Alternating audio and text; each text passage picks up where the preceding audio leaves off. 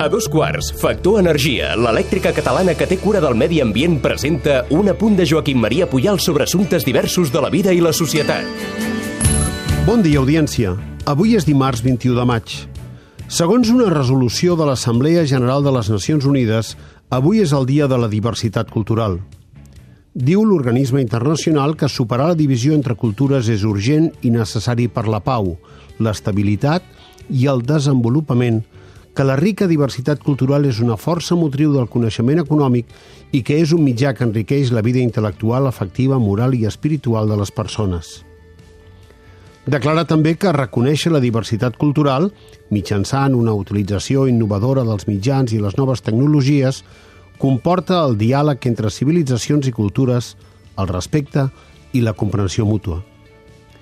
Tot això que diu l'ONU està molt bé, i segurament la immensa majoria de la nostra audiència hi està d'acord. Quan ho he llegit, m'ha vingut al cap una llarga nota que vaig escriure en un quadern meu de viatge fa 20 anys, després d'una estada a zones rurals de Colòmbia, Perú i Xile. Ara la llegiré. Aquests grups han rebut històricament una allau de símbols externs.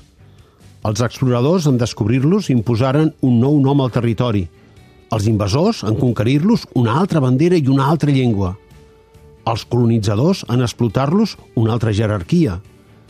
Els propagadors de la fe, en evangelitzar-los, una imatgeria de pell blanca, com la dels maniquís de les botigues dels negociants que hi arribaren després, com la dels rossos paradigmes de la bellesa i de la publicitat que ara s'instal·len en els seus mateixos aparadors mediàtics. Sembla que se'ls hagi volgut recordar permanentment que ells mai no podran ser com els models que se'ls proposen.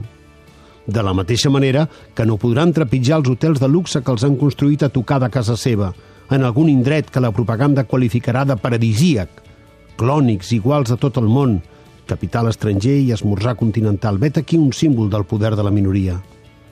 Són confortables bombolles de la cultura occidental on es parla una llengua i es cuina segons un paladar que no té res a veure amb els de la gent del territori on s'han instal·lat.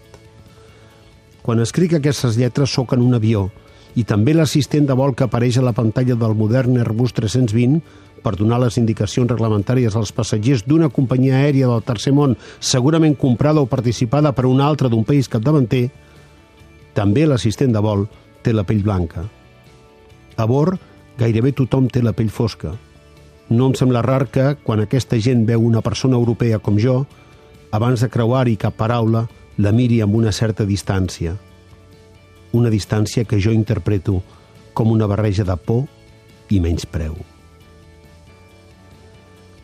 Han passat 20 anys des que vaig escriure això.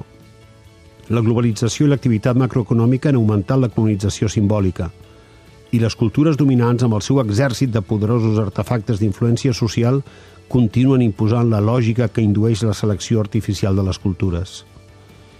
Com diu l'expert catedràtic Sebastià Serrano, la sostenibilitat cultural està cada cop més amenaçada.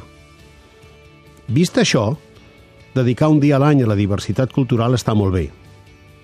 Però potser hauríem de fer alguna cosa més, oi?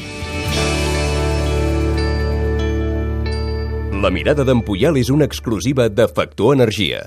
En Manu, el Minimans, manis pels amics, no, no ha contractat la llum a Factor Energia i no, no s'estalvia un 12,5%. Manu, contracteu tots la llum.